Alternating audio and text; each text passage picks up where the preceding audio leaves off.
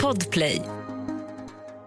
Redan nu kan du lyssna på samtliga avsnitt från den här säsongen på plattformen Podplay. Sofie skulle bli barnflicka. Hon reser från Frankrike för att börja sitt arbete i England. Inledningsvis är allt bra. Hon trivs. Men med tiden ska allt komma att förändras. Lönen kommer inte längre in på kontot. Hon anklagas för att ha stulit. Och med tiden eskalerar det. Det här är historien om mordet på Sofie Lionette. Du lyssnar på Jakten på mördaren med mig, Saga Springhorn. Jag vill varna för grovt innehåll i dagens podcastavsnitt.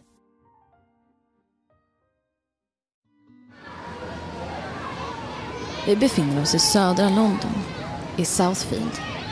Ett lugnt och tryggt område med många promenadstråk och parker. Det glamorösa paret Sabrina och Mark Walton flyttar in i en lägenhet i området. Paret sticker ut från resten av grannskapet. Sabrina är en framgångsrik modedesigner och makeupartist. Och hon är alltid mån om sitt utseende.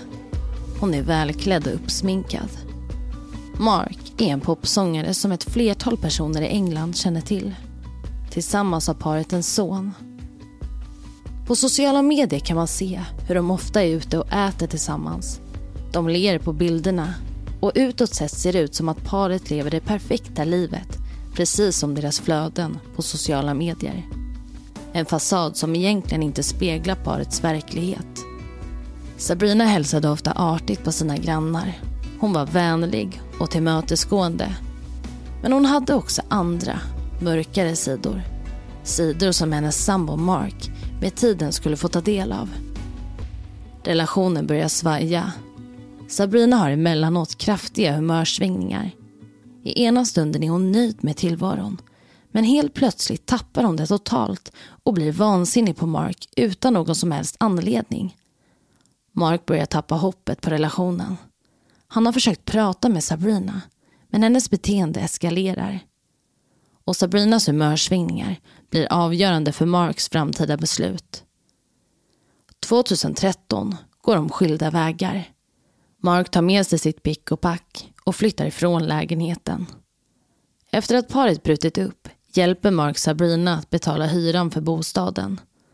Han fortsätter att betala hyran under flera månaders tid. Men snart får han nog. Sabrina måste kunna ta ett eget ekonomiskt ansvar. När Mark slutar att finansiera lägenheten blir Sabrina upprörd. Hon försöker få Mark att betala igen, men han vill inte. Sabrina känner en kontrollförlust. Hon blir arg och bestämmer sig nu för att hämnas mot Mark. I samma veva upplever Mark att Sabrina plötsligt blir besatt av honom. Sabrina anklagar honom för att ha stalkat henne. Hon säger också att Mark utnyttjat hennes katt sexuellt. Men Sabrina har inte ens någon katt. Hon menar också att Mark försökt använda svart magi för att skada henne. Sabrina ringer vid flera tillfällen till polisen för att berätta saker som Mark gjort mot henne. Men Mark har ingenting gjort. Han vill bara att Sabrina slutar anklaga honom på falska grunder. Han vill att hon slutar kontakta honom. Anmälningarna blir till rättegång och där möts de igen i rättssalen. Sabrina påstår saker som det inte finns bevis för. Mark får med sig juryn på sin sida. Det finns inget som stärker Sabrinas alla anklagelser. Och någon dom mot Mark, det blir det inte. Samma år, 2013, flyttar in en ny man i Sabrinas lägenhet. Osim Medusa. Osim och Sabrina blir sambos och paret känner varandra sedan tidigare. De hade lärt känna varandra när de var barn. Men relationen Usaim och Sabrina emellan hade sedan start varit turbulent. Vissa dagar försvinner plötsligt Usaim från lägenheten. Han är borta under flera veckors tid utan att informera Sabrina om vart han befinner sig. Grannskapet beskriver paret som osociala och omaka.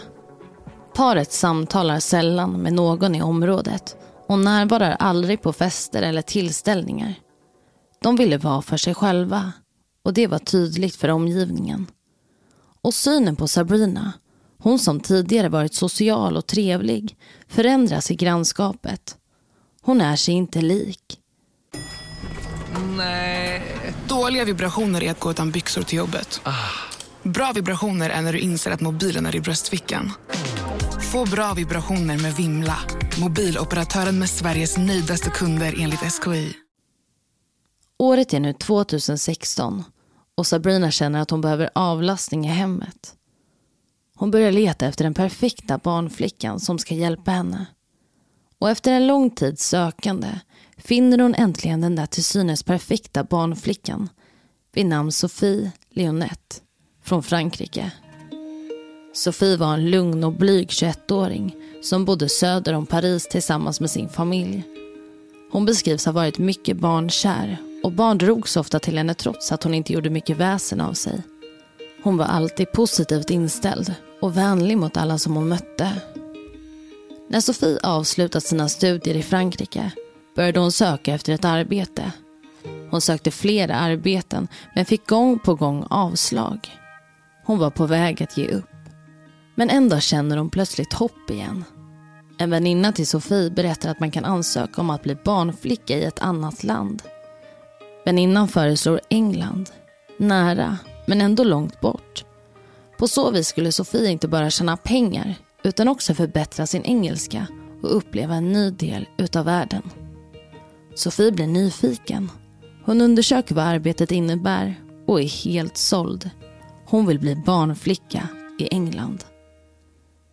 I januari 2016 är Sofie 21 år gammal. Hon har äntligen fått ett arbete.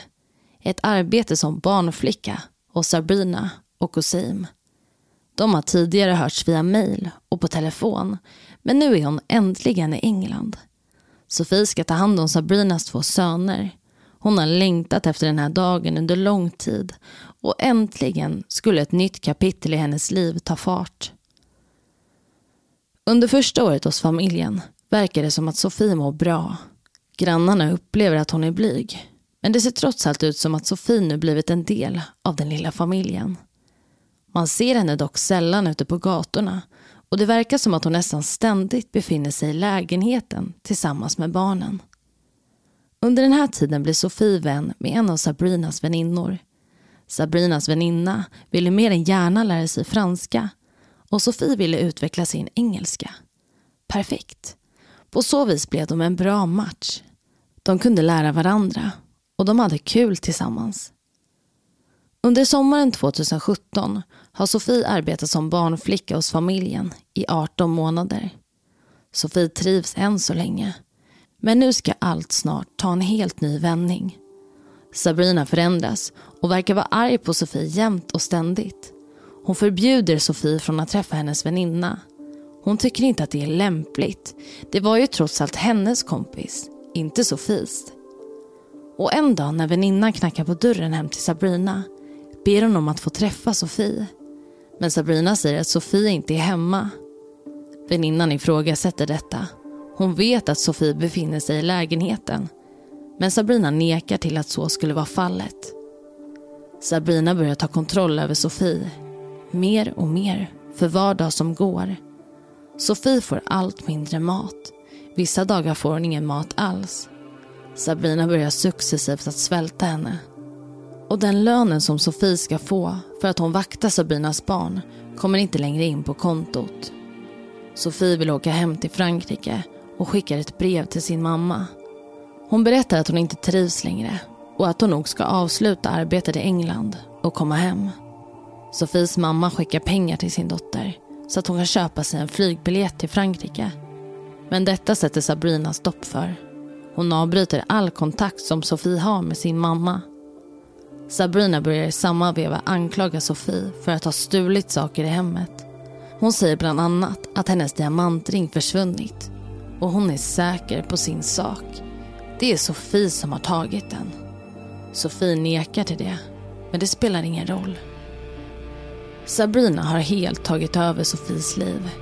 Ibland delar hon ut slag och hon fortsätter att anklaga Sofie för fler saker som försvunnit i hemmet. Men Sofie har fortfarande möjlighet att gå runt i kvarteret om hon vill. Hon är inte inlåst och dyker ibland upp på den lokala restaurangen. Under sin tid i England blir hon stammis på en lokal restaurang. Och restaurangägaren ser med tiden Sofies förfall. Hon har blivit blek och mager. Och när de väl har pengar till att handla så äter de maten i all hast.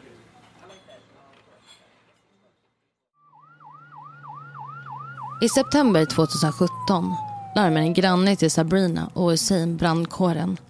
Det ser ut som att det brinner på Sabrinas och Husseins baksida. Brandkåren åker till parets lägenhet och ser då att Hussein står i trädgården och grillar. Men något stämmer inte. Även om Hussein påstår att han grillar kyckling så är elden lite väl okontrollerad och brandmännen reagerar på att Hossein försäkrar dem om att allt står rätt till. Han är mån om att brandmännen ska ge sig av. Brandmännen undersöker snabbt askan i grillen och ser då vad som ser ut att vara ett finger och en del av en näsa. En av brandmännen backar. Han är smidig och bestämmer sig för att kontakta polisen. Polisen kommer till platsen och snart konstateras det att det är en kropp som någon försökt bränna upp. För att dölja lukten av uppbränt människokött har det också grillats kyckling. Och snart förstår polisen att det är barnflickan som bränts upp på baksidan av parets trädgård. Men så vad hände egentligen den där dagen då Sofie mister sitt liv? Sabrina styr allt som Sofie gör.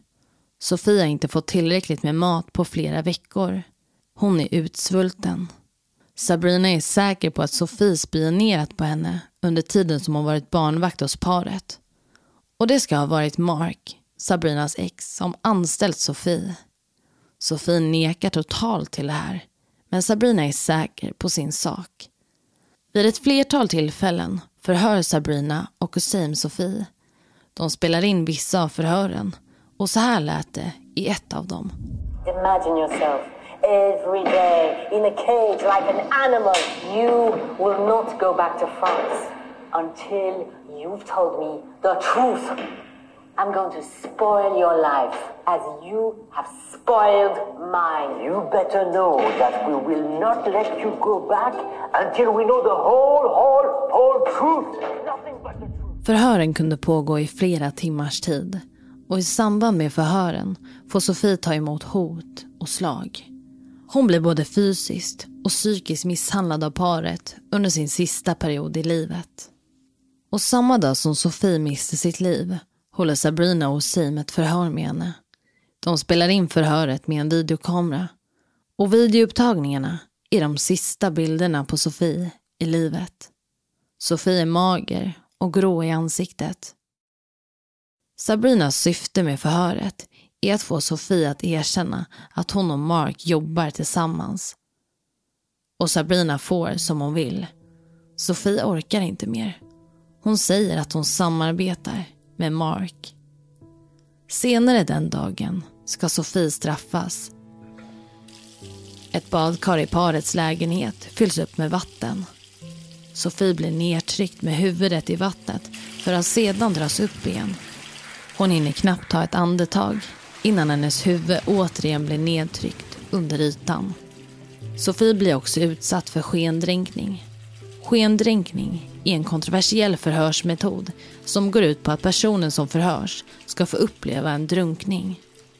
Personens huvud lutas bakåt och därefter läggs ett tygstycke över personens ansikte. Sedan häller man vatten över tygstycket vilket gör det mycket svårt för personen att andas. En skendränkning skapar ofta kräkreflexer hos personen som blir utsatt. Och det är också under den här skendränkningen som polisen tror att Sofie mist sitt liv.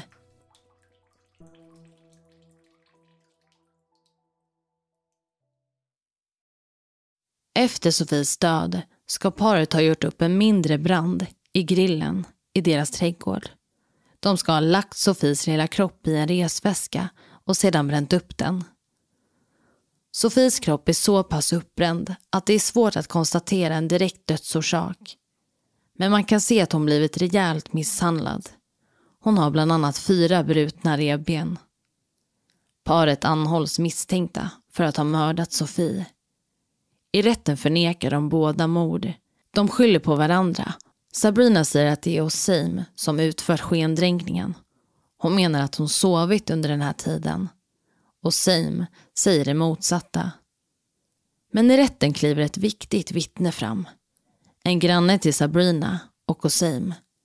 Vittnet blir avgörande då denna under mordnatten ska ha hört att Sofie, Sabrina och Oseim tillsammans varit inne i badrummet under den aktuella händelsen.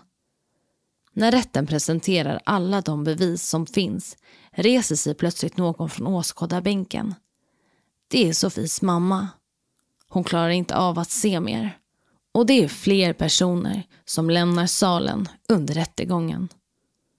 Sabrina är svår att ha att göra med i rätten. Hon är vacker, väldigt vacker och glamorös. Hon förnekar till allt. Och Sim sitter mest tyst och nedstämd. Men båda står fast vid sin sak. Det är den andra personen som dödat Sofie. Men snart står det klart för juryn att både Sabrina och Usaim ligger bakom mordet på Sofie. Dödsorsaken är inte helt fastställd men man tror att Sofie dött i badrummet. Att hon kvävts ihjäl. Bevisen är starka och motivet verkar leda tillbaka till Sabrinas besatthet över sitt ex Mark. I förhören med Sofie säger hon gång på gång att Sofie ska erkänna att hon och Mark jobbat som ett team. Sabrina verkar ha tagit ut all sin ilska gentemot Mark på Sofie. Och Sofie ska ha varit lätt att manipulera. Hon var ung och litade på människor. Och hon försökte alltid vara positiv. Hon blev ett lätt byte för Sabrina och Usaim. Under samma dag som Sabrina ska få sin fallande dom så vill hon först läsa upp ett brev som hon skrivit till Sofie. Hon säger så här. Kära Sofie. Må frid vara med dig. Först och främst önskar jag alla, inklusive Sofie, särskilt hennes föräldrar och familj som lider svårt, att få veta hur djupt ledsen jag är för det som har hänt Sofie. Vi delade många goda stunder tillsammans samt smärtor tills det gick fruktansvärt fel och det slutade i denna fruktansvärda tragedi. Jag tänker på dig varje dag och jag är chockad och ledsen över att du inte är en del av denna värld längre. Det känns som en hemsk dröm för mig som jag önskar att jag bara kunde vakna upp ur. Varje dag lever jag med sorg och sorg. Jag lider varje dag när jag tänker på dig och vad som hände dig den där hemska natten. Jag önskar bara att jag kunde vrida tillbaka klockan så att det aldrig hänt och att du fortfarande levde här med oss idag. Jag kommer nu att leva utan hopp och jag kan aldrig föreställa mig att någonsin bli lycklig igen. Jag kämpar varje dag och jag är väldigt besviken på mig själv. Sofie, jag önskar att saker kunde ha varit annorlunda och jag hoppas att du vilar i frid med Gud. Min djupaste ånger, Sabrina. Sabrina och Hussein döms nu till livstids fängelse. Och det var allt för dagens avsnitt. Vill du se bilder från det här fallet så kan du gå in på min Instagram där jag heter Saga Springcorn och trycka på storybubblan Jakten på mördaren.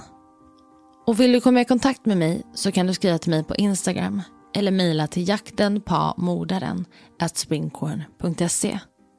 Tack för att du har lyssnat på dagens avsnitt. I nästa vecka berättar jag om Kelly Ann Bates. Och det här fallet är ett fall som verkligen, verkligen berör. Det är en fruktansvärd historia. En familj som är maktlös och bara ser på hur deras dotter tynar bort. Och om du inte orkar vänta till nästa vecka så finns det här avsnittet redan nu publicerat på plattformen Podplay. Podplay, en del av Power Media